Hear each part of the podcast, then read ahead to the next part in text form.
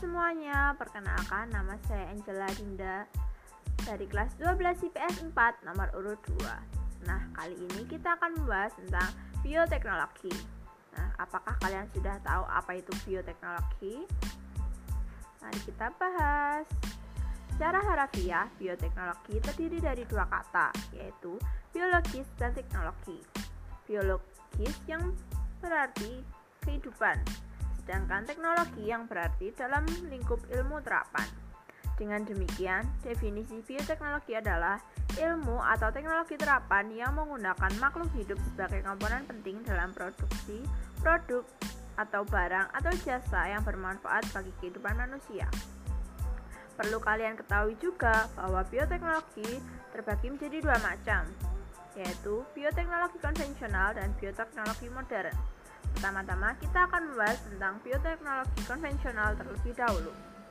Bioteknologi konvensional merupakan teknologi yang memanfaatkan mikroba sebagai agen proses biokimia dan genetika secara alami. Bioteknologi konvensional menggunakan alat-alat dan metode yang lebih sederhana, sehingga biaya yang dibutuhkan lebih murah. Namun, karena metode yang digunakan lebih sederhana, maka proses untuk menghasilkan individu baru dengan sifat unggul membutuhkan waktu yang lebih lama.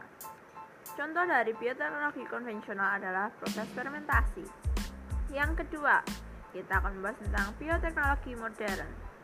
Bioteknologi modern merupakan teknologi yang sangat berkaitan dengan proses rekayasa genetika dan transfer materi genetik antar organisme.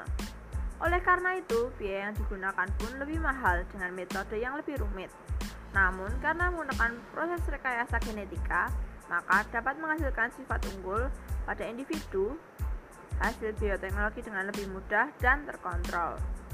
Terapi gen dan antibodi monoklonal merupakan contoh hasil dari bioteknologi modern. Bioteknologi banyak digunakan di berbagai bidang, yaitu bidang pangan, produknya nata de tempe, atau yogurt. Bidang pertanian, produknya hidroponik dan kultur jaringan. Pada bidang kesehatan, produknya vaksin, antibodi monoklonal, dan antibiotik. Dan yang terakhir di bidang lingkungan, contohnya mikroorganisme pengolah limbah. Nah, sekarang kita akan membahas perbedaan dari bioteknologi konvensional dengan bioteknologi modern.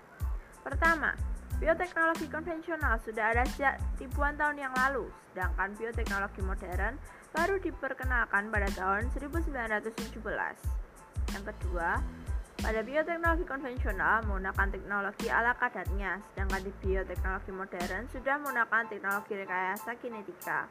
Tiga, pada bioteknologi konvensional menggunakan peralatan sederhana, sedangkan pada bioteknologi modern sudah menggunakan peralatan yang lebih canggih dan rumit.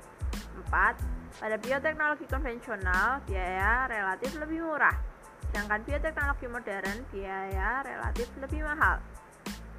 5. Pengaruh jangka panjang biasanya sudah diketahui pada bioteknologi konvensional, sedangkan pada bioteknologi modern belum diketahui karena masih diperlukan sampel penelitian.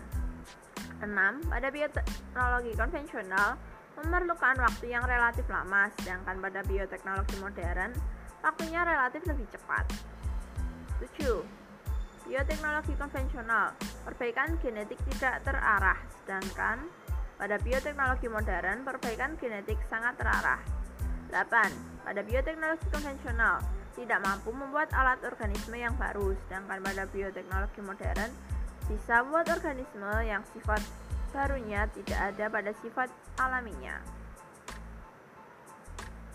Nah, selanjutnya kita membahas manfaat dari bioteknologi dalam kehidupan sehari-hari. 1 menghasilkan obat-obatan yang lebih efektif dan murah. 2. Menghasilkan antibiotik untuk membunuh penyakit yang berbahaya. 3. Mengurangi pencemaran lingkungan. 4. Meningkatkan hasil produksi pertanian dari tanaman transgenetik. 5. Meningkatkan nilai gizi dari produk makanan dan minuman. 6. Menciptakan sumber makanan yang baru. 7. Dapat membuat makanan lebih tahan lama. Dan yang terakhir, 8. Biaya yang diperlukan lebih murah. Sedangkan pada bioteknologi terdapat prinsip dasar yang merupakan rangkaian proses dalam tingkatan bioteknologi itu sendiri.